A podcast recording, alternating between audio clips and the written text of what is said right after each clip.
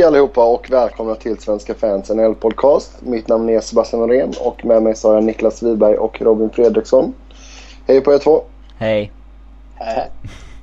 Ja, Robin nyss hemkommen från stadion där eh, Djurgården lyckades vinna en match. Grattis. Tack, tack, tack.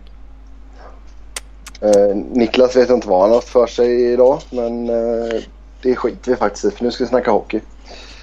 Ja. Hockey, hockey.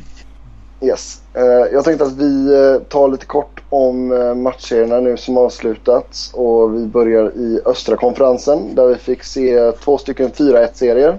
Boston slog New York med 4-1.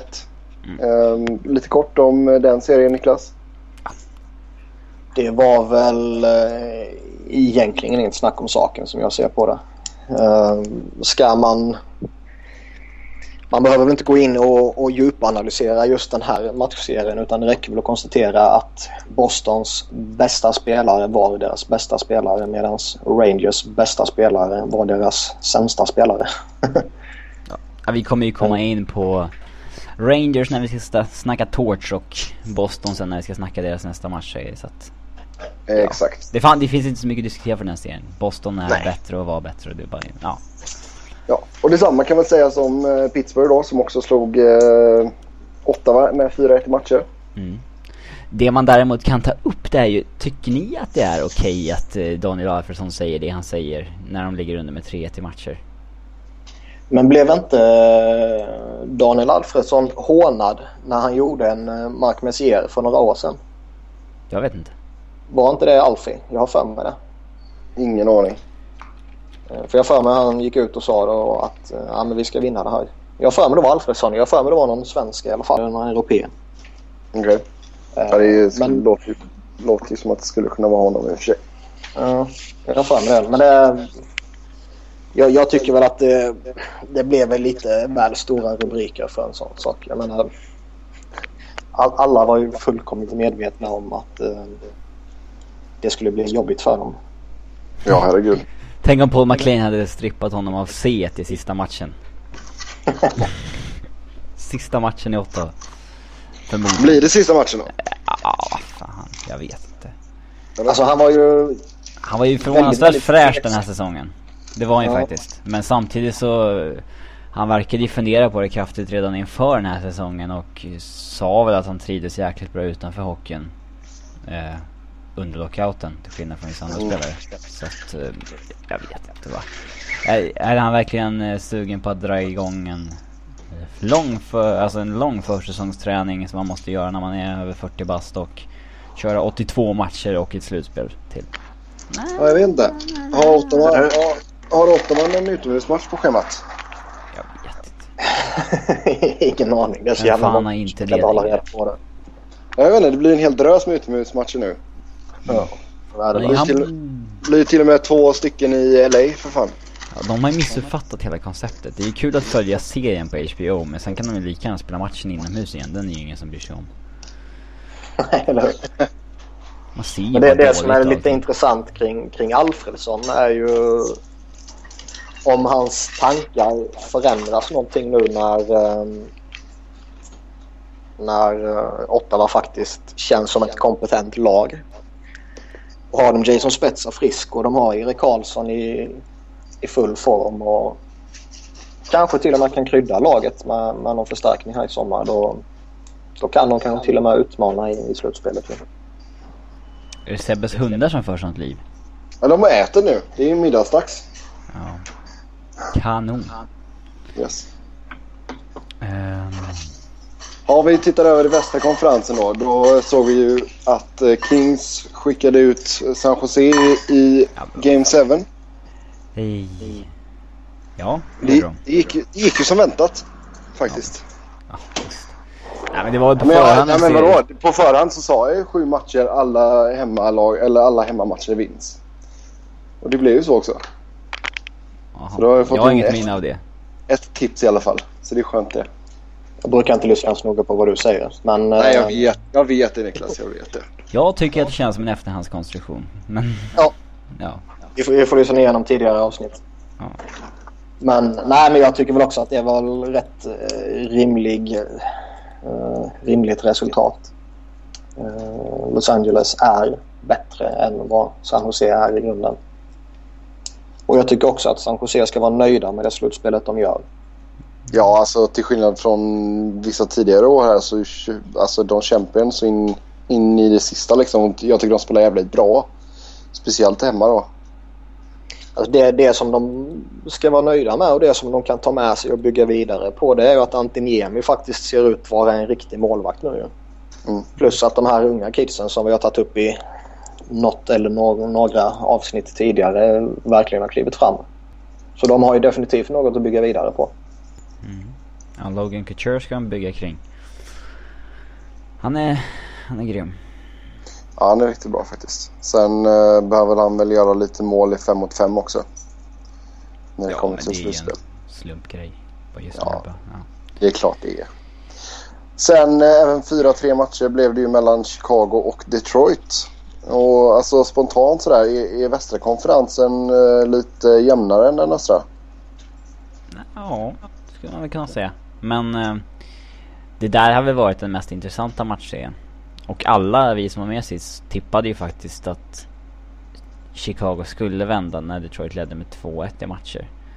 Men jag tror nog inte att någon av oss hade tippat det om vi hade haft podcasten efter att Detroit gick upp 3-1 i matcher och såg ut att ha, ha det där i ett järngrepp. Jag kan i alla fall erkänna att jag hade nog tippat Detroit då. Jag kan erkänna att jag tippar Chicago då. När det stod 3-1. När det stod 3-1. Ja, det tror inte jag. Jag tror de flesta som är lite sunda uppe i skallen och inte är göteborgare skulle tippat på Detroit i det läget. Mm. Ja, Chicago såg ut helt slagna ut också. Och det... Taves var ingenstans. Eh, alltså, Howard såg hur stabil ut som helst. Ja, sen... Eh, sen började raset helt enkelt. Men... Eh, alltså...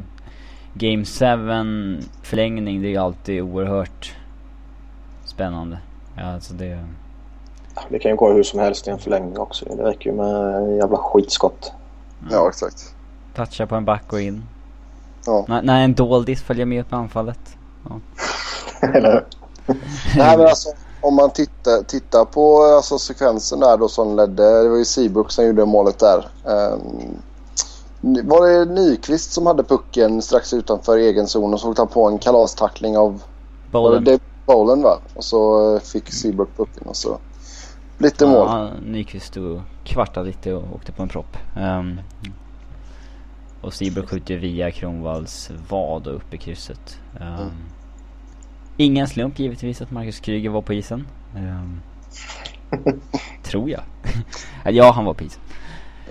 Chicagos lilla Lucky Charm.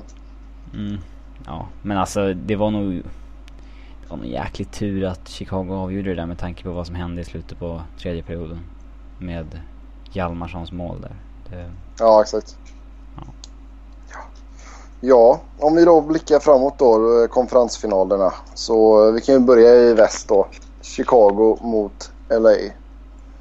Och eh, ja, alltså vad talar för att Chicago går till final? Jag tycker väl att om man tittar på pappret så är deras bästa spelare snäppet bättre än vad Los Angeles bästa spelare är. Ehm, sen kan man ju alltid kritisera eh, en Toews till exempel i hans eh, prestationer hittills. Så det, en sån som Hossa och Kane och har väl inte heller varit supersuccé hela tiden direkt. Ehm, men om man tittar på vad de kan maxprestera så, så har jag Chicago som um, snäppet bättre ur, ur den aspekten. Mm.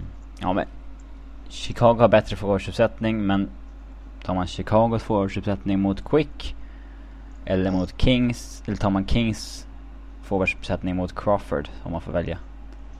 Ja, det känns lite som det där som uh, Ja, de tar ut varandra lite där. Men det... Ja. Mm. Ja, alltså efter en, efter en skakig inledning så har ju Quick verkligen eh, alltså, spelat helt otroligt bra. Ja, han snittar under 1,5 mål per match i sina senaste 34 slutspelsmatcher tror jag. Det är ett OK slutspelsfacit.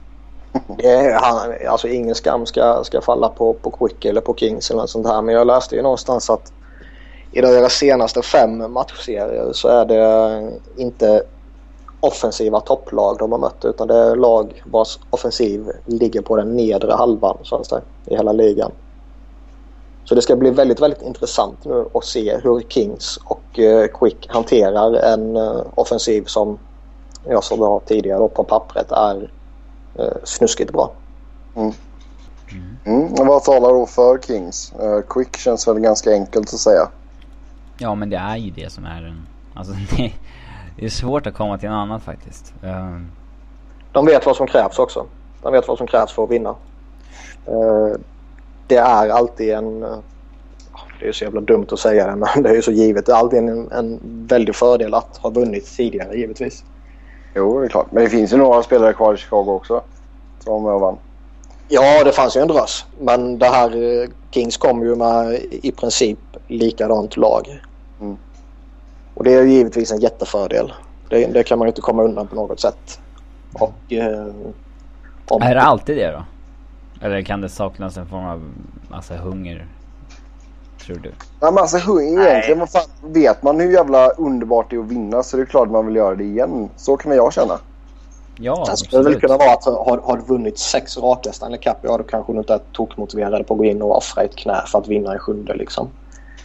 Uh, men i det här fallet så börjar de här spelarna bli mätta. Redan. Då ska de ju sparkas bort från den här ligan så långt det bara går. En pannkaksproppmätt Dustin Penner. Ja. ja. nej men alltså det ska bli väldigt intressant att se här just hur uh Alltså hur Kings defensiv kan stå upp mot Chicago som Niklas säger på pappret ser ruskigt vassa ut framåt. Mm. Um, om vi tittar lite mer på Kings då, alltså Dustin Brown som var en, uh, ja vad ska man säga, en titan förra slutspelet har inte, det har inte gått så jättebra för honom faktiskt, detta slutspelet. Uh, vad, vad, tror vi kan bero på att Brown inte är i hög form? Alltså det är ju svårt. Eh, den spelartypen han är så är det väldigt svårt att hela tiden ligga på topp och hela tiden vara den här eh, eh vad ska man säga powerforwarden som hela tiden bara går och går och går och går och går. Eh, han kom in i en zon förra året där han kanske egentligen spelade bättre än vad han är. Om man ska säga så. Ja, det var en ruggig formtopp det, det, var riktigt imponerande att se. Och nu är det ju kanske lite av en annan ytterlighet att mm, han, eh, han har problem och han kommer eh, han kommer inte till en, en normal standard. Och det är svårt att sätta fingret på vad, vad det kan vara i Kings för det känns som att det är några forwards som är i den fasen på något sätt. Eh, en sån som Antsi Kopitar också till exempel som vi har nämnt några avsnitt tidigare som inte ser tokbra ut om man säger så. Nej, men där tror jag fortfarande som jag sagt tidigare att det är en skada som ligger bakom detta. Ja, ja. Jag säger ingenting eh, om anledningen så. Jag bara säger att det ser så ut. Och jag vet inte om det kan vara någonting som håller tillbaka Dustin Brown också. Att han har en känning någonstans eller något sånt där. Mm. Nej, men däremot så Justin Williams var det jäkligt gött att få att se att han klev fram här nu i, i uh, sjunde matchen. Det, det är en kille som har jäkligt mycket potential och som har haft milt sagt en hel del skadeproblem under karriären. Oh ja, jag tycker det är en väldigt stabil, eh, pålitlig spelare. Ja, om vi, eh, om vi tittar lite på båda lagen då. Har vi någon, eh, någon doldis så att säga? En Marcus Kryger som vi vill lyfta, lyfta fram. En doldis? Ja. ja. Förutom Seabrook? Eller, eller Kryger en superstjärna? Nej, han är väl, eh, alltså Frolik och Kryger har ju, de har ju, de har ju nästan tappat lite doldis-status med tanke på hur högt de har höjts till skyarna på grund av det de har gjort. Um, så att, uh, nej men... Brian Bickle är ju en snubbe som jag tycker har varit extremt bra. Alltså mycket bättre än hans, uh, ja, vad ska man säga, den, deras andra, Andrew Shaw. Eh, som har tagit mycket korkade utvisningar och sånt där. Bickel har spelat disciplinerat men han har spelat jävligt tufft och dessutom bidragit med lite depth scoring som man givetvis inte kommer kunna hålla upp på den här nivån men han har varit riktigt bra och det ska bli intressant att se honom. Han blir dessutom unrestricted free agent i sommar så att han har väl lite att spela för. Mm. Ja, då kan det bli att man lyfter sig ett litet uh, halvt snäpp också. Ja. Ja, i Kings då, Niklas? Ska du ta den eller ska jag ta den? det, nej, men alltså det, det, finns väl de som vi, vi har hintat lite om tidigare också. Som, som eh, Jake Matsin till exempel eller Tyler Toffoli som ser ut att vara en liten frisk fläkt i Kings när han kommer in och får lira. Um, annars känns det lite som att do doldisarna i Kings de slog igenom i fjol. Uh, I det slutspelet. En King och en Lewis och, och lite sånt här va. Ja, det är sant. Det kan jag hålla med om. Kyle Clifford vill jag lyfta fram lite också. Honom gillar jag. Mm. Ja, ska vi, ska vi ge ett tips här nu då? Hur, hur går den här matchen? Uh. Den är svårtippad. Niklas tror du Chicago? Jag säger nog Chicago, ja. Jag, jag tror att... Eh, hur många matcher? Sex matcher. Jag tror deras stjärnor kommer eh, snäppa upp sig nu när det är konferensfinal. Samtidigt som jag känner att jag tycker att Chicago är ett bättre lag än Kings så har jag fan svårt att se hur Kings skulle torska fyra matcher liksom. Det är... Det är mycket. Nej, jag säger... 4-3 Kings då. Mm. Och du då... säger Kings förstås. Har du någonsin säger... inte tippat Kings eh, i slutspelet? Uh, De här ja... vi haft... Nej, alltså jag tippade ju dem tidigt förra året. Ja, du, uh, du tippade ju att de skulle gå förbi Vancouver. Uh, jag tippade ju att de skulle vinna hela skiten förra året. Trots att det gjorde de ju också. Det gjorde de också. Så det var ju ja, trevligt. Det, det är ju ingen skill, det är ju bara att tippa med. Uh, nej men ja, ja, det är klart jag säger Kings här. Men uh, om det blir sex eller sju matcher, det är... Nej, jag får säga sju matcher. Det ska bli väldigt intressant att se hur fan de ska vinna på borta is bara. Mm. Men uh, ja, 4-3 till Kings. över till Eastern Conference. Pittsburgh mot Boston. Ja, här finns det mycket roligt som man kan prata om faktiskt. Uh, Jaromir Jagr ska möta Pittsburgh i en konferensfinal. Ja, Den är, ja. Det finns ju hur mycket som helst spännande kring det här. Om man bortser från den vanliga hypen och intresset kring en konferensfinal mellan två skickliga lag som eh, båda två egentligen kan vinna hela slutspelet så, så har vi ju Jagr som du sa. Och vi har ju Jerome Ginla också som jag tror inte någon har glömt situationen där han var klar för Boston i princip och sen så blev det Pittsburgh. Mm. Och sen Matt Cook river ju alltid upp känslor i Boston och det tog ju inte många minuter eh, innan det började nämnas i media här när det blev klart att Boston och Pittsburgh skulle mötas. Mm. Så det känns som att en, en redan väldigt, väldigt intressant matchserie får ja, en eller två dimensioner till med de här faktorerna. Mm. Och Jäger, det är ju alltid jättekänsligt när han kommer tillbaka till Pittsburgh. Oavsett om det var i Washington eller Rangers eller uh, Flyers i fjol. Ja, han är inte jättepopulär där längre. Nej, så det ska bli spännande att se om han uh, liksom tänder till fullt ut här nu när han möter Penguins igen. För han gjorde ju han gjorde ju sina poäng i förra slutspelet när vi hade det här eh, absurda matchserien mellan Flyers och Penguins. Så det ska bli, nu tror inte jag det blir en sån matchserie mellan de här två lagen i år. Men eh, kan, kanske är det en, en matchserie mot Pittsburgh helt enkelt som Jagr behöver för att uh, hitta in på sin väg igen. Och börja producera som han kan och vara den kraften som han trots allt fortfarande kan vara.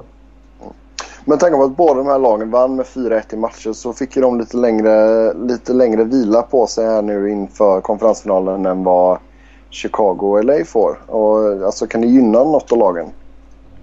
Om de som har mest skador, men vi vet ju inte vilka det är.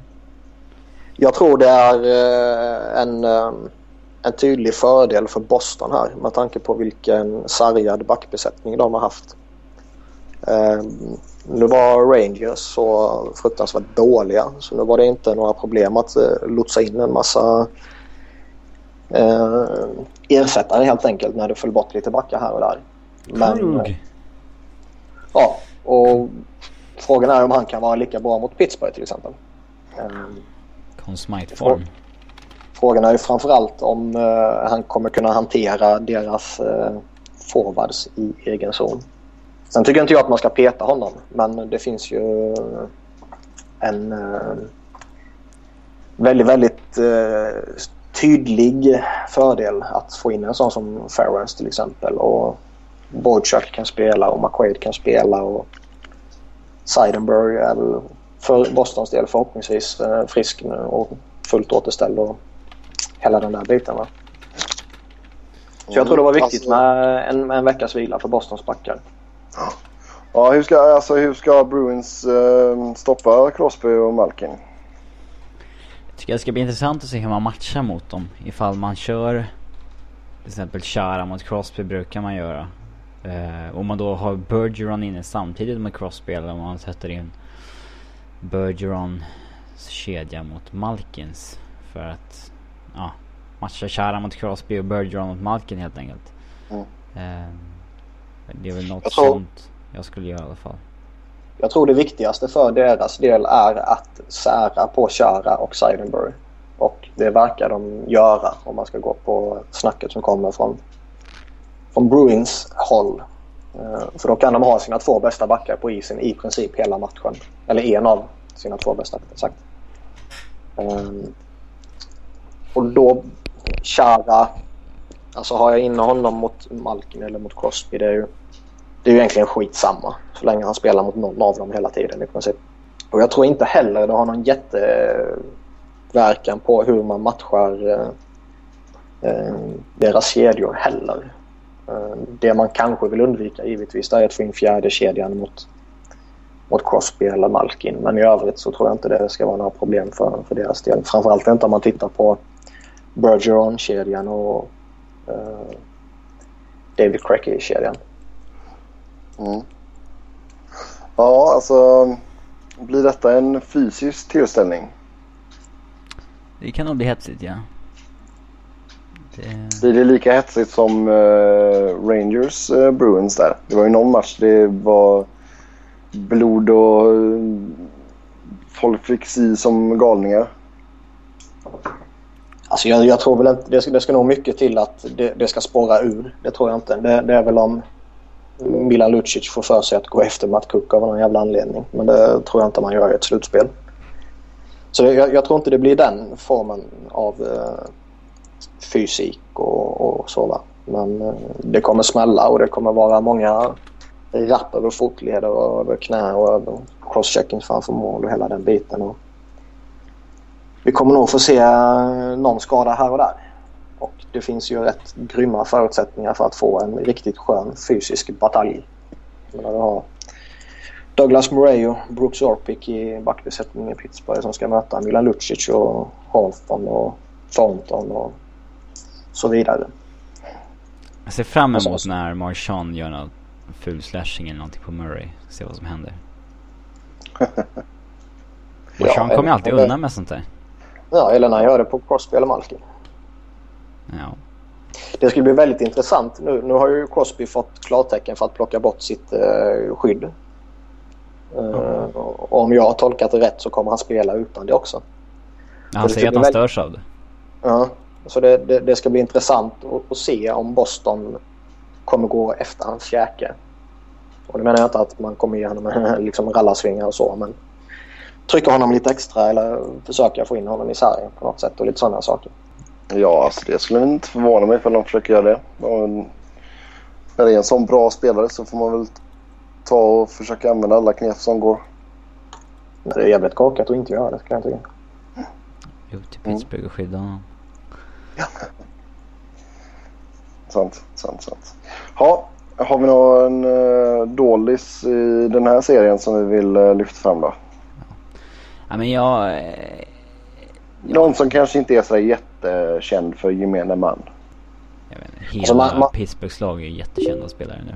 Men eh, en sak som vi inte tagit upp än som är lite spännande är ju det här med Thomas Vokon som visserligen har fått en hel del skott men han, han är fortfarande inte riktigt ställs på prov liksom.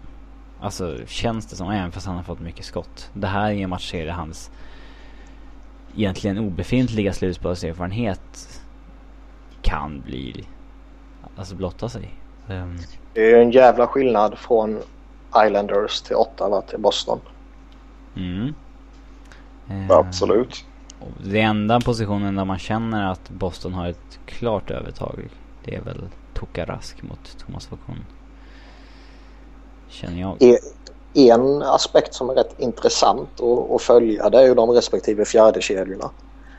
För båda de här två lagen lever ju i mångt och mycket på att de har väldigt många duktiga spelare och kan rulla fyra kedjor. Eh, framförallt är det väldigt tydligt i Boston eftersom inte de har två sådana superstjärnor som Crosby och Malkin. Men eh, just, Bostons fjärde kedja är ju väldigt eh, uppskattad. Ja den är ju och- bättre än Pittsburghs fjärde kedja. Men sen samtidigt, samtidigt har Pittsburghs fjärde kedja lite mer eh, offensiv spetskompetens kanske. Alltså spelar man en sån som Jussi Jokinen som verkar komma igång lite nu så ja, kan han få eh, glida omkring en fjärde kedja och ställa till med problem och sen så, samtidigt som en sån som Brandon Morrow kanske tänder till också. Så den bataljen om de två fjärdekedjorna får mötas tror jag kan bli väldigt spännande. Mm. Ja, hur går den här serien då? Jag säger 4-3 till Pittsburgh. Ja, samma sak. Ja. Jag tror det kommer bli sju grymt tajta matcher. Jag tror inte det kommer liksom rinna iväg att något lag vinner med 6-2 eller sånt där. Utan jag tror det kommer bli 2-1, 3-1. sådär Tror du inte liksom. att Pittsburghs offensiv har någon sån match? Alltså, jag vill väl snarare säga att jag tror inte att Bostons defensiv har en sån match. Ja. Mm. Ja, jag säger 4-2 till Pittsburgh. Så ingen tror på Boston. Nej, Enorma underdogs. Alltså. mm, en enorma underdogs. Ja, ja. Nu eh, lämnar vi konferensfinalerna och så ska vi eh, snacka lite om Colorado Avalanche som har eh, gjort en liten rokad. Och eh, Sacco fick kicken. Eh, vad vilka mer var det som fick lämna Robin? Ja, eh, dagen efter, eller direkt efter att Sacco fick sparken så lämnade Eric Lacroix. Han eh, som är Pierre Lacroix son. Eh, och, och han sades ju bli nästa GM efter Greg Sherman. Han lämnade och det startade ju direkt eh, spekulationer om att Pierre Lacroix är klar med Avalanche. Vilket stämde. Han har ju varit president sen de flyttade från Quebec till eh, Colorado, eh, Denver. Och eh, han har också varit GM fram till, ja, ett par år tillbaka. Eh, men det, är- det är många som har velat ha ett regimskifte helt enkelt. Eh, och ehm, det fick de nu när han valde att lämna och uh, Joe Sakic kom in och tog hans roll som President of Hockey Operations. Um, och det första han gjorde var att uh, ringa upp Patrick Raw och erbjuda honom jobbet som Head Coach och Vice President of Hockey Operations. Um, för att Raw skulle ha inflytande på trades och annat också, inte bara vara Head Coach. Och det är inte officiellt men det sägs vara ganska klart att han tar med sig en GM head coach från QMJHL i André Torigny. Något franskt namn. Sebbe kan få uttala det om man vill. Nej tack. Ra verkar vilja att hela coachingstaffen ska prata franska. Och därför så eh, sägs det också väl... eh, Sägs det att François Allaire, den gamla målvaktstränaren, legendaren sägs vara på väg in som målvaktstränare. Um, han har ju haft J.S. Giger tidigare, han har haft Patrick Ra tidigare. Och... Uh, han har blivit sågad av Brian Burke. ja, vilket är en, tyder på att han är rätt vettig. uh, nej men jag, det sägs att hans stil är lite outdated och sånt där. Men... Um, Avs har inte haft någon målvaktscoach innan. Faktiskt. Och det är ju faktiskt helt sjukt. Alltså att det har varit så i... Uh, I ett NHL-lag år 2013. Men... Mm. Det är absurt är det. Ja, de har haft en deltidsanställd, uh, Kirk McLean, som... Uh, ja, har bott i Vancouver. Ja, det, det är inte... När, när dessutom Valamo har haft en av de sämsta backbesättning för sig så har han dessutom inte ens någon målvaktstränare. Jag, jag har svårt att förvänta mig att han skulle göra något stordåd då. Men i alla fall. Eh, Ra har sagt att man ska ta in en målvaktstränare och det ska man göra. Men eh, det som kom som en liten överraskning för ganska många var väl att Greg Sherman, eh, som varit GM hittills, blir kvar som GM trots att Sakic har final say gällande alla hockeyrelaterade beslut och Patrick Ra är den som ska sköta trades. Så vad ska eh, Sherman göra egentligen? Ja. Koka kaffe. Hämta donuts och ja. Sånt där. Um, nej men han, hans jobb är väl helt enkelt att förhandla kontrakt, cap management, ha koll på CBA, vad gäller för regler, ja jag tror inte att Patrick Ross sitter med en stor bok som det står CBA på och bläddrar igenom. Och kollar exakt vad som gäller. Greg Sherman är ju inte en hockeysnubbe i grund och botten. Han kommer ju från accounting liksom. Han är ju en eh, negotiator, kontraktsnubbe bara. Uh, och det, en sån är alltid rätt vettig att ha. Men det är lite konstigt att han heter, eh, eller att, inte att han heter, men att han fortfarande är general manager när han är den som har ja. Minst att säga till om. ja, gällande trades. Men ja. ja. Men vad tror du? Är det här en hållbar situation alltså? Att eh, vad... Att det är liksom... Det är ju Wiberg som har skrivit frågan så han kanske ja, utvecklar. Alltså att det är Roa som ska sköta trade talks. Men Sakic har final say. Och sen ska Sherman flika in och liksom bara Ja, jag har slått på min miniräknare här och... Eh, alltså det ja. första jag kommer att tänka på det är ju Tampa Bay för några år sedan. Eh, där det var total kaos när de hade, vad hade, nu minns inte jag namnen på dem, men de hade ju två olika snubbar där båda sa att de var general manager och där den ena sa att han bestämde och den andra sa att han bestämde. Uh, och det var total kaos i, i hela organisationen för att i, ingen visste någonting och man visste inte vem man skulle vända sig till. Och den ena snubben kunde uh, acceptera en sak men uh, då la den andra snubben in ett veto och så kunde man inte göra så. Det, det känd, nu, nu tror jag inte det kommer bli samma patetiska nivå som det var i, i Cirkus Tampa. Men det, det känns säkert som att... i polare. Ja, men alltså det, det, känns lite som att det när det är för många som ska ha ansvar för samma sak och, och liksom vem, vem, kommer egentligen bestämma och vem ska man vända sig till? Och, alltså det, jag, jag är suspekt i en sån situation. Det som är sagt är väl att Ra ska ha kontakten med andra NHL-lag gällande trades. Att det är han man ringer till helt enkelt. Mm. Sherman kommer ju... Han, het, han har ju titeln general manager men man kan lika gärna säga att han är en assistant general manager. Eh, så att man ska inte blanda in han, hans eh, titel för mycket. Eh, men du har, men, ändå, du har ändå tre stycken som eh, på något sätt har eh, någon form av ansvar. Sen har du säkert någon chef över dem också givetvis ju. Som säkert också har någonting att säga till om när det kommer kanske framförallt till ekonomiska investeringar så att säga. Ja, Eh, Cronkies, ägarna ska ju, eh, ja, de ska godkänna alla liksom ekonomiska grejer men eh, det sägs väl att eh, ett av kraven från Patrick Roy var att de skulle inte spendera bara till lönegolvet längre om han skulle komma in och det verkar han ju fått assurances om att det inte blir.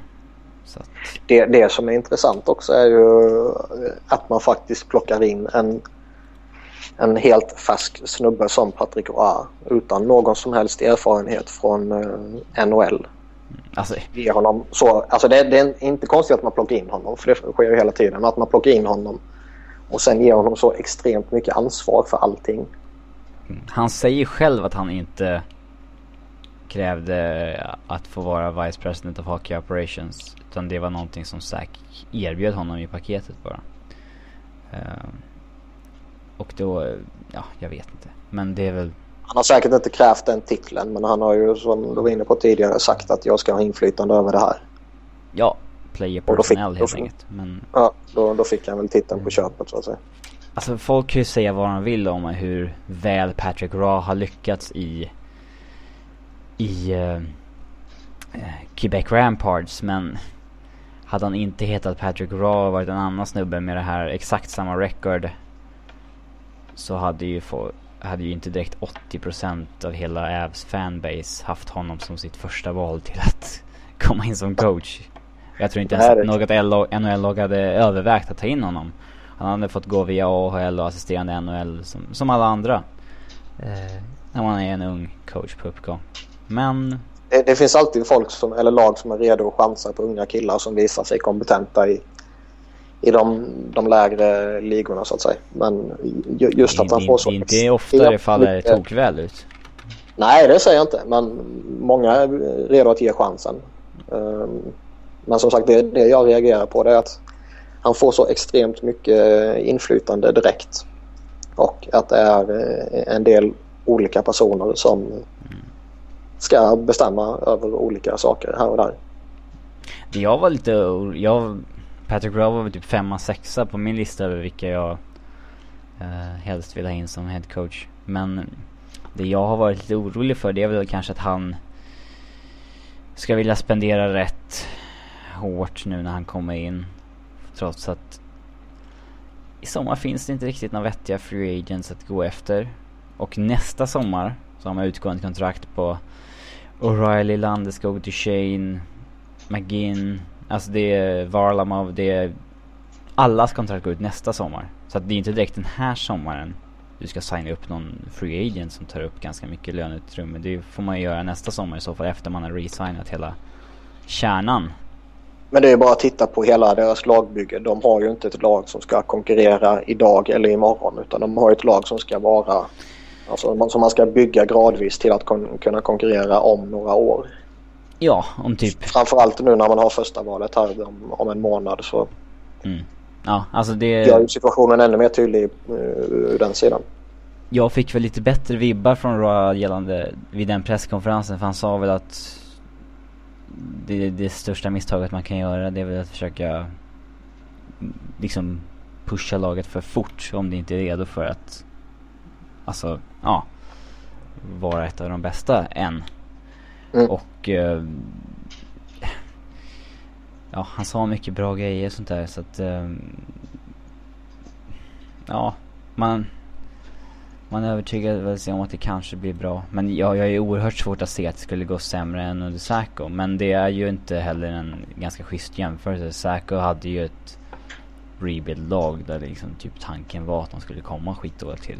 Ehm, Sen är det ju lite, lite spännande också att alltså låtsas att det går åt helvete för Colorado här nu. Att Bra får liksom inte någon jätteordning på dem direkt och det, första säsongen här går inte alls bra. Sen får han fortsätta och andra säsongen går lite halvknackigt. Så där. Då är frågan om fansen kommer ha större överseende med just Patrick Roy som headcoach.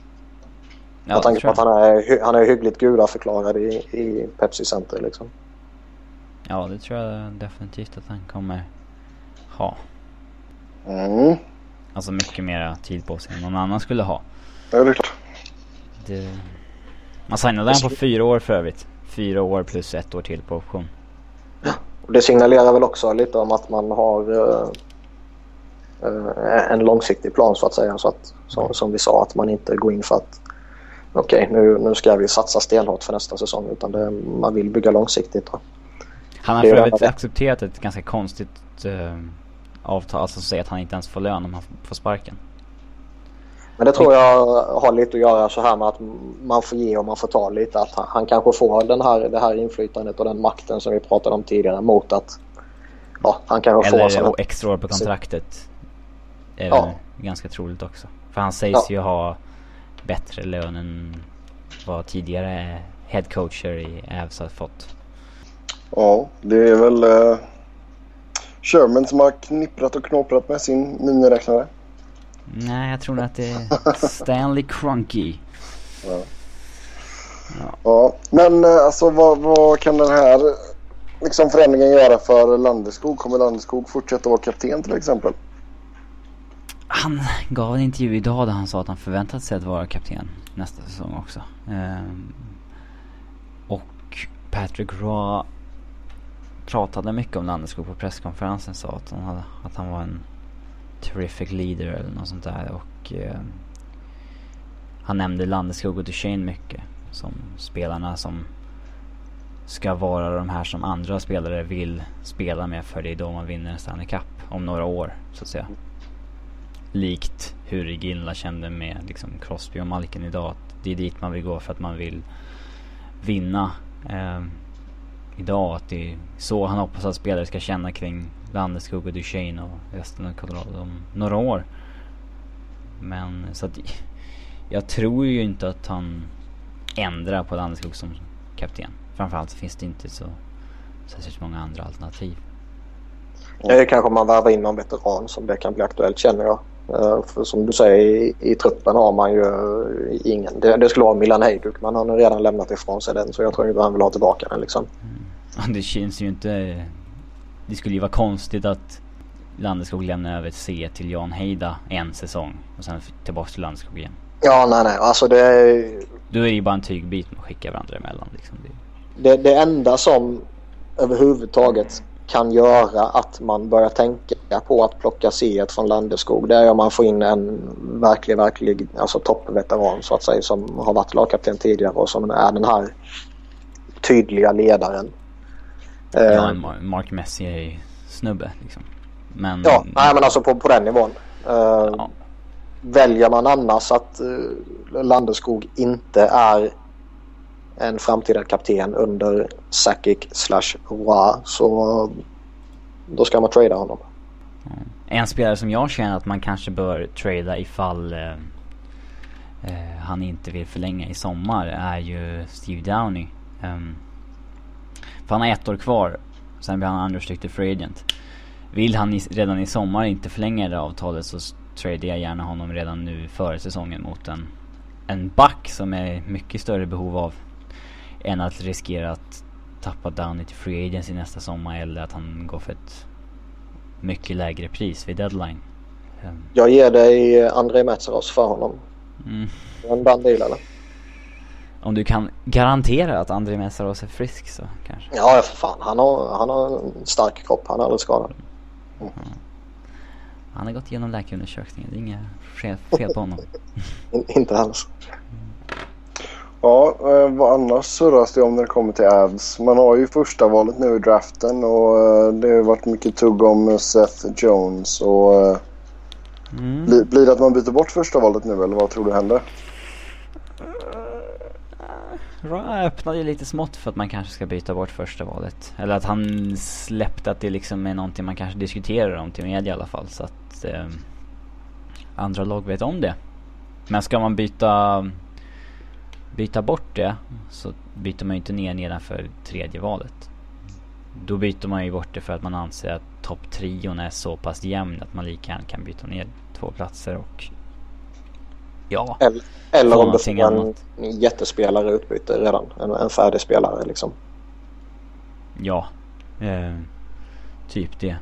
Eh, men eh, ja, det sades väl att Seth Jones har varit en de haft ögonen på i flera månader. Men han var ju ganska halvkass i Memorial Cup. Eller alltså han var ju ganska överglänst av Duran och Seth Jones i alla fall. Eller av McKinnon.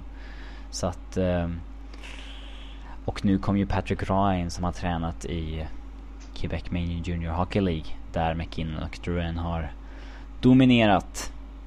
Fast jag, jag kan ju tycka att väljer man att inte plocka Seth Jones och jag tycker att man bör ta honom om man tittar på hur lagbygget ser ut både i dagsläget och, och framåt. Men väljer man mellan McKinnon eller Druan så tycker jag ju inte att McKinnon är den, eh, den givna även om han kanske är snäppet bättre. För jag ser väl ett behov av en scoring winger i Colorado i framtiden. Mm. Och då är det kanske Druan man ska gå in på i så fall. Ja, det är mycket möjligt. Jag tror ju inte att Ra eller Sakic eller bara för att de bytte ledning där kommer ha så mycket att göra med det här valet. Uh, det är Rick Pracy som är deras Director of Amateur Scouting som gör det här valet, antar jag. Så att, eh, och han har ju väldigt bra record med sina draft picks hittills. Så att, eh, men det ska bli intressant för det är ju inte alls den slam dunken som folk trodde att det skulle vara för några månader sedan. Och det är alltid kul för den neutrala. Oh ja. Sen ett annat namn här som står med på vår lilla lista här. Alexander Radulov. Mm. Alexander Radulov. På tal om scoring wingers alltså. Mm. ja. Grejen med, med Radulov och Patrick Roy är ju att uh, Patrick Roy hade honom i Quebec Ramparts. Och ja, mer eller mindre behandlade honom som en son typ.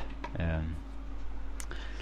Och sen dess har ju Radlov inte gått hem med någon annan coach än, än Roa. Och de håller tydligen fortfarande rätt bra kontakt med varandra. Ehm. Så att eh, det, om, Roa ska, eller om Radlov ska spela i NHL igen så är det väl under Patrick Roa.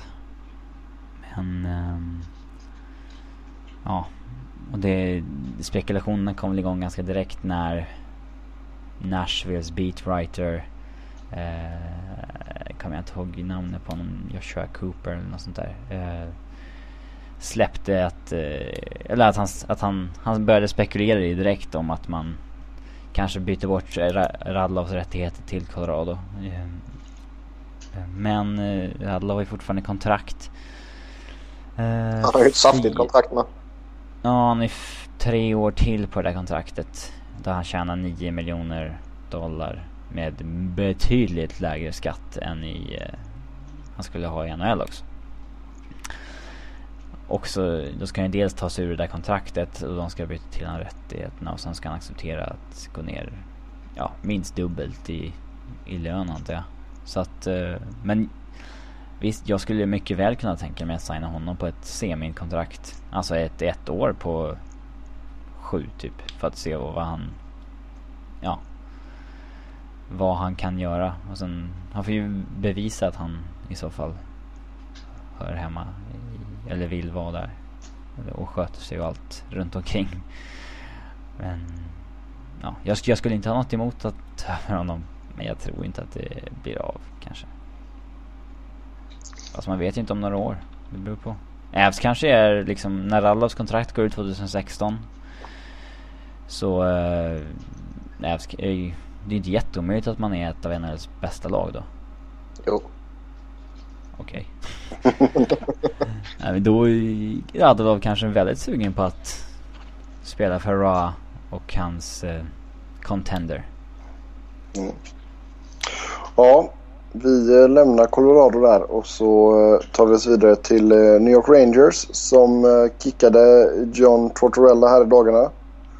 Och eh, ska vi börja med att fråga er två ifall ni tycker det var ett uh, rätt beslut? Japp. Jag tycker det var väldigt väntat i alla fall. Uh, nu när det gick som det gick både i grundserien och, och här i slutspelet. Um, Tortorella är ju en uh, coach som ska ha ett veteranlag. Han ska ju inte ha ett lag där det kommer fram en massa unga killar. Uh, för han är rätt jävla duktig på att kväva de unga killarna. Uh, med sitt sätt att uppträda och sitt sätt att behandla dem och sitt sätt att matcha dem och sitt sätt att prata om dem och allting. Så jag kan tycka att han kanske inte är den som ska leda ja, Haglin och Stefan och Del Soto och, och honom med Chris Kreider och de här andra unga killarna som är på uppgång underifrån. Ehm, utan han, han, ska ju ha ett, ett veteranlag. Så, så enkelt är det. Och i dagens eh, NHL så kanske man inte hittar så många sådana faktiskt. Sen tror jag han kommer få ett jobb rätt så omgående ändå. Mm. Ja, absolut. Det finns ju ett veteranlag som har ett, två år kvar i sig kanske innan de börjar bygga om det där. Som letar en coach. Som har två tvillingar i täten. Um som kanske inte är helt omöjligt. Men eh, jag tycker att det var rätt att de sparkade John Tortorella. Jag tycker det är ganska uppenbart att han tappade tappade spelarnas förtroende, tappade omklädningsrummet. Eh, I samma sekund som Henrik Lundqvist eh, säger till media att han mer eller mindre tvivlar på om han vill spela kvar i Rangers så eh, kan lika gärna Tortorella börja packa sina väskor. eh, och så, så var, har det ju varit. Eh, jag tror inte att hans system med extrem shotblocking och sånt där är någonting som håller över 82 matcher och in i en lång slutspelsserie. Nu under en kort säsong kanske det skulle funka men det är liksom spel, om spelarna inte liksom vill det eller tror på det så det Nej, det känns inte. Och när till och med Lundqvist den som liksom kanske gynnas mest av det här är den som går ut och officiellt liksom säger att eh, ja, då är det det är något som inte står rätt till i det omklädningsrummet och changes needed to be made. Mm. Sen är det ju det, en sån som Tortorella kan man ju stå ut med utan några som helst problem om du hela tiden får framgång. Eh, jag tror till exempel att eh, i fjol i, i grundserien var det nog inga jätteproblem med att stå ut med honom. För att då vinner du matcherna då kan du kanske ta att det är någon idiot som står och skriker på dig. Mm. Eh, men går det tungt som det gjorde lite till och från här i denna säsongen och i slutspelet här mot slutet. Då, det är ju bara att titta på hur man själv skulle reagera. Då, då tror jag nog att man skulle bli rätt trött på att ha en, en sån snubbe som gapar rätt mycket och som uh, kan tugga på rätt bra till, till media när han är förbannad och efter en förlust och lite sådana här saker. Mm. Jag skulle nog som spelare vara ganska trött på alla hans uh, dryga presskonferenser också. Liksom. uh, nej men alltså, kan man inte typ en presskonferens i alla fall bete sig som en normal människa. Typ att han faktiskt har någon som helst respekt för media som är där och inte, ja det Alltså jag, jag, jag kan väl på, jag kan något, på något sätt förstå att coacher och spelare är jävligt trötta på media med tanke på att de får rätt mycket skit slängda på sig. Men jag tycker det är ju väldigt respektlöst mot fansen att inte säga vad man tycker om insatsen som precis var. Eller att man vägrar prata om den. Liksom. Det, det köper jag inte. Mm. Uh, ja. ja. Är... Eh, Sen, uh, alltså Glenn Sather, alltså GM, ska inte han ha någon skit för att det har gått som det gått? Alltså jag tycker inte att han har gjort så mycket fel vid trader i år och sådär men man kanske behöver kanske ifrågasätta hans uh, långsiktiga ja, närvaro i Rangers. Det här blir ju femte coachen, eller sjätte coachen kanske som han anställer och rent traditionellt sett så är det ett par fler än vad man brukar få på sig som GM. Det som är lite spännande också det är ju att uh, han har varit i Rangers nu i 12 eller 13 år är det ju. Och man har faktiskt bara vunnit fem slutspelserier. Och att göra det med de ekonomiska musklerna som New York Rangers har det är eh, rätt kast faktiskt. Mindre bra i alla fall. Ja, att man, och då, då ska man veta det att det, det är ju faktiskt eh, Tortorella som har uh, vunnit uh, tre av de fem. ja, man kan ju säga att det är Tortorella också. Men man kan ju också säga att det är Henrik Lundqvist. Beror på. Ja, nej, men, det, det, men om man tittar på coachsnacket. Så det är, jag, jag tycker det är, det är märkligt att uh, det inte i alla fall diskuteras ännu mer än vad det faktiskt gör. Um, och nu, nu, har han ju själv sagt att han kommer sitta kvar som GM över nästa säsong. Och uh, det känns väl lite som att om, om Glenn Sather säger det i Rangers då kommer det säkerligen bli så också, givetvis. Han har väl suttit så länge så att ingen tänker på att det faktiskt går att byta ut honom. Liksom. Att det bara, det bara är så helt enkelt att han är där. Ja, sen, alltså det snackas ju lite om en sån som Mark Messier. Eh, både som headcoach eh, som ersätter här för Tortorella nu men det har också pratats lite till och från tidigare om att han eh, eh i en inte alltför avlägsen framtid kanske är en ersättare till Glenn Feather som GM.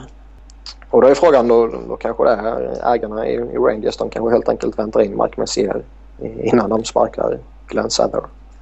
Istället för att plocka in någon snubbe däremellan som kanske bara kör två år. Jo, det, det så, sån grej skulle man väl kunna köpa men samtidigt så känns det som att det, det har blivit mycket fokus på tränarna i Rangers under åren och väldigt lite på GM. Och det blir så med Tortorella, han tar ju mycket plats. Ja, herregud. Jag skulle aldrig vilja vara på en presskonferens med honom alltså. Alltså en liten del av mig skulle ju faktiskt vilja se John Tortorella i Philadelphia. Och det är ju enbart för att vilja se presskonferenserna mellan Tortorella och de jävla galningar som vi har i Philadelphias mediakår. Det skulle bli så fantastiskt jävla underhållande så det nästan skulle vara värt att ta Tortorella som headcoach. Och träna, träna in Buskalov vid den presskonferensen också. ja, det kan bli helt underbart. Vilken journalist var det som skrev att uh, Colorado borde anställa John Tortorella som assisterande coach som ett lugnande inflytande på Patrick Raw? ja. Han kommer ju vara minst lika hetsig. Ja, det var trevligt. Han har ju temperament. Ja. Uh, om vi tittar på Rangers igen då. Så Rick Nash kallade sitt slutspel för uh, good. Och uh, ja, hur är den mannen funtad? Läs frågan som det står i körschemat. det kan jag faktiskt inte göra utan att lägga in sån här blip. Det är, det är Wiberg som har skrivit körschemat. Ja. Jag, vi pratade ju om det tidigare avsnitt också och Rick Nash har ju inte varit dålig om man tittar på hans prestationer. Däremot har ju hans produktion inte alls varit bra. Uh, och, och, det känns väl lite som att det är där som... Uh, jag, jag, kan köpa att han är nöjd med sina prestationer. Uh, för han kom till sina målchanser och han gjorde inte bort sig. Och, och så här, va? Men han var ju inte den ledaren som han blev inplockad för att vara. Han var ju inte den ledaren som han är betald för att vara. Och jag tycker att går man då ut och säger att nej, men jag är nöjd med mitt slutspel när man som eh, en förväntad offensiv ledare gör ett mål på 12 matcher. Då är det antingen så man, eh, har man en sned verklighetsuppfattning eller så eh, är det liksom att han är för insmord i mediokriteten från Columbus. Ja, det är mycket möjligt. Mm bayern romantik Typ.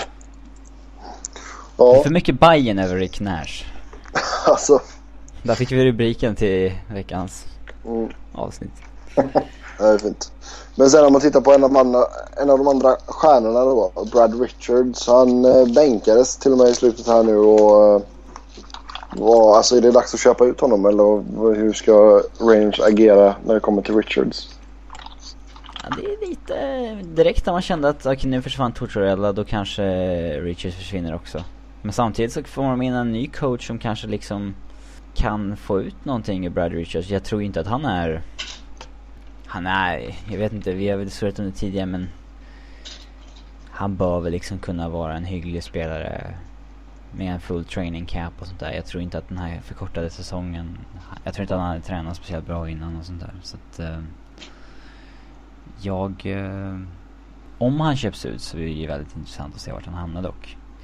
Han har ju sagt att han inte tänker bry sig om pengarna då utan bara gå där han är ett bra fit. Och då skulle det vara oerhört intressant att se vad som... om han kunde gå in som andra center i Chicago till exempel. För en ganska billig peng. Det... Då, eh, då skulle han kunna uträtta en hel del tror jag. Nej men det är klart, alltså köper de ut honom så denna sommaren så kostar det ju, är det 24 miljoner han ska ha. Så det är klart att han kan ju ta ett, eh, ett relativt billigt eh, kontrakt någonstans. Sen kommer han ju säkert inte signa för liksom 750 000 dollar bara. Eh, utan han, han måste, eller någonting. ja, men han måste ändå ha en liksom, hyggligt marknadsmässig lön. Och den, den liksom, tre, tre miljoner känns väl som... Ja, alltså med tanke på säsongen han haft så blir ju hans marknadsmässiga lön mycket mindre än vad... Ja men det är det jag menar. Det är liksom tre miljoner där. Det, det, det känns rimligt att, att ha som lägre gräns så att säga. Som, ja, tre upp till fyra och ett halvt kanske. Något sånt där kan jag tycka är, är fair då. Sen är ju frågan hur man ska göra nu när de byter eh, coach. Ehm, och det beror lite på också givetvis vem som kommer in. Om det blir Lindy Ruff eller om det blir Alain Vigneault eller om det blir Guy Boucher eller om det blir Marc Messier eller vem det nu blir. För de ska ju säkerligen säga sitt också. Ja, Så Richards, Richards framtid avgörs nog beroende på vilken coach som kommer in. jo det är sant. Sen, sen, sen är ju då frågan också, hinner Rangers ta in en ny coach innan eh, man får börja köpa ut spelare? För det är ju direkt efter, eh, eller inte direkt, eh, jag tror det är 48 timmar eller sånt där efter eh, Stanley Cup-slutspelet är över som man får börja köpa ut spelare. Ja, alltså det är... Jag vet inte alltså, vad, vad tror ni spontant nu? Kommer det ta ett tag för alltså, Vancouver och Rangers att hitta nya tränare? Alltså det som är lite intressant eh, är ju att all, alla de som är lediga, eller alla inom situationstecken, eh, av de som har haft tidigare NHL-jobb med ja, denna säsongen eller förra säsongen och sånt här då i, i Ruff och Vigneault och Boucher och lite sådana här. All, alla de kopplas ju samman med alla lediga jobb. Mm. Alla nämns i Rangers och alla nämns i Vancouver och alla nämns i Dallas till exempel. Eh, och snubben som var i Dallas som jag aldrig kommer ihåg namnet på. Gulutsan eller vad han hette. Eh, han kopplas också samman med lite av de här jobben och sen har du Dallas Eakins som är i Torontos farmarlag i AHL som också kopplas samman med Vancouver bland annat. Då? Mm. Så det, det, det känns som att det, det, det är Ja, några sen- dominobrickor som ska liksom sättas i fart innan det börjar hända någonting. Ja, och skulle Dave Tippett inte skriva på nytt för Phoenix så tror jag nog att Ja, det ja. finns många lag som skulle vilja ha honom. Jag tror det är lag som skulle överväga att sparka sin nuvarande tränare för att få in han. Ja, vi får ju se vad som händer. Det är ju som sagt... Eh, nu ska vi inte snacka Phoenix här men GM har ju... Don Maloney har skrivit på nytt kontrakt och det verkar som att vi äntligen får nya ägare här snart. Så eh, Åh, skulle inte förvåna mig ifall tippet blir kvar i och för sig. Phoenix ägarrykten är väl det mest tristaste följetongen senaste året i NHL. Det är väl aldrig något konkret Jag menar, liksom. senaste fyra åren. Ja, alltså. Men det, Ja, det är nu, aldrig något nu är, konkret så, liksom. ja, men så är här ju- nära har det ju aldrig varit. Ja, Alltså nu är en, nu är en så Batman i stan och... ja. Det är... Okej. Jag, jag orkar inte läsa om det förrän de står vid podiet och påstår att de har hållit på, alltså de nya ägarna och står vid podiet och påstår att de har håll- hållit på Phoenix sen de var barn och... Ja. Ja. Ja, nej, vi, får se. vi får hoppas att det blir klart någon gång här snart så vi kan prata om det också. Men eh, Japp. nu tackar vi för oss för den här eh, veckan. Som vanligt så vill ni köta hockey med oss så går det jättebra att göra det på Twitter. Eh, mig hittar ni på @sebnoren, Niklas på Niklas Wiberg, Niklas med C och Robin på R underscore Fredriksson. Så eh, tills nästa vecka, ha det gött. Hej! Nej. Nej.